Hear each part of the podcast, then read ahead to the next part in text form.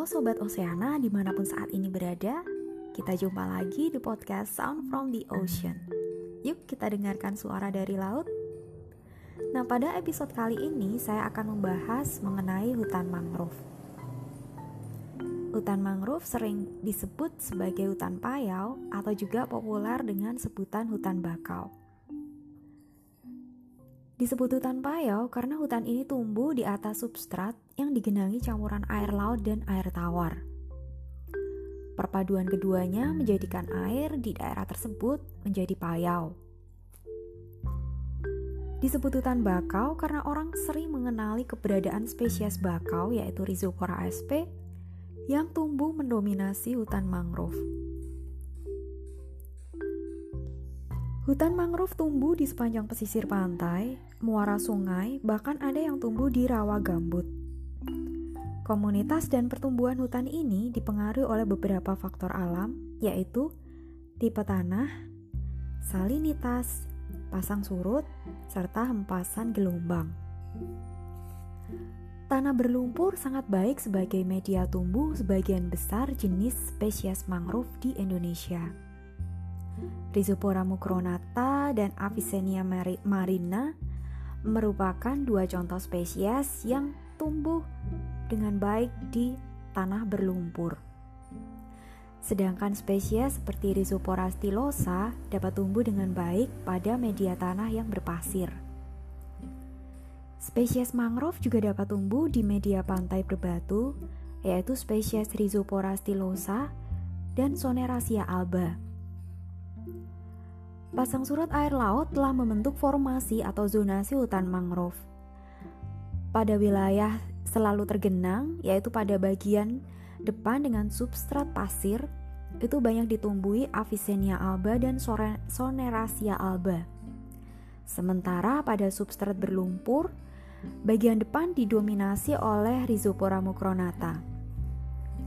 Areal yang digenangi oleh pasang sedang sering didominasi dengan jenis Rhizopora atau yang dikenal dengan bakau dengan spesies yaitu Rhizopora mucronata, Rhizopora stylosa, Rhizopora apiculata, dan pada wilayah yang hanya tergenang pada saat pasang tertinggi itu banyak didominasi oleh spesies Bruguera sp dan Silocarpus sp. Wilayah ini berada di bagian yang paling dekat dengan daratan.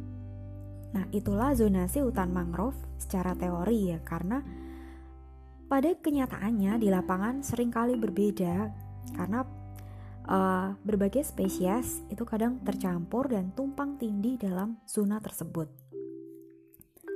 Nah, selanjutnya bagaimana hutan mangrove dapat beradaptasi menghadapi kondisi yang ekstrim di lingkungannya tersebut? Nah, Spesies mangrove tertentu mempunyai kemampuan menghindari penyerapan garam dari tempat tumbuhnya, sementara spesies lainnya mempunyai kemampuan mengeluarkan garam dari kelenjar khusus yang terdapat di dalam daunnya.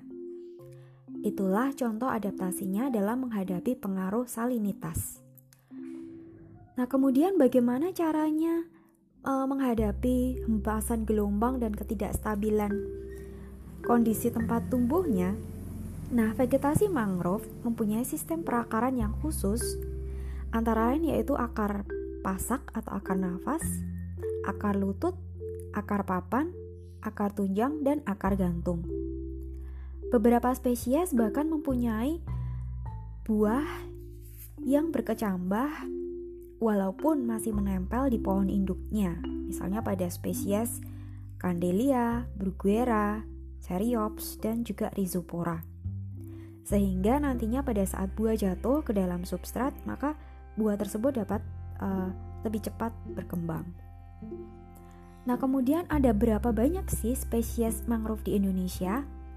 Nah, berdasarkan referensi dari Nur et al. tahun 99, Indonesia mempunyai 202 spesies tumbuhan mangrove, di mana 43 spesies di antaranya merupakan mangrove sejati, Sedangkan menurut Kartawinata tahun 2013, kekayaan jenis tumbuhan hutan mangrove itu relatif rendah.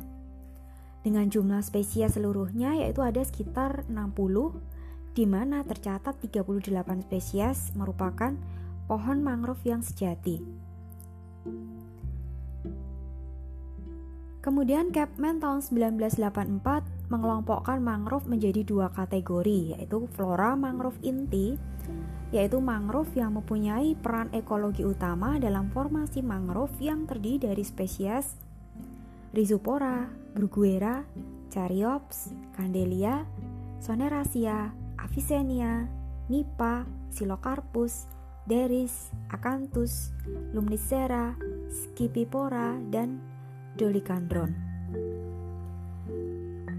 Kemudian yang kedua ada flora mangrove periferal atau pinggiran, yaitu flora mangrove yang secara ekologi berperan dalam formasi mangrove, tetapi flora tersebut juga berperan penting dalam formasi hutan lainnya. Spesies tersebut antara lain yaitu Exoecaria agaloka, Acrosticum aureum, Cerbera mangas, Heritera litoralis, dan Hibiscus filiaceus. Nah, itulah um, pengertian tentang hutan mangrove dan juga jenis-jenis yang ada di Indonesia.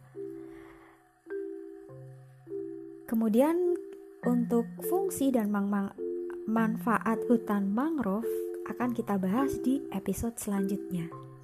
Terima kasih Sobat Oceana. Kita jumpa lagi di episode selanjutnya di Sound from the Ocean. Salam kelautan, jealous fever ကျရောက်မှာဟဲ့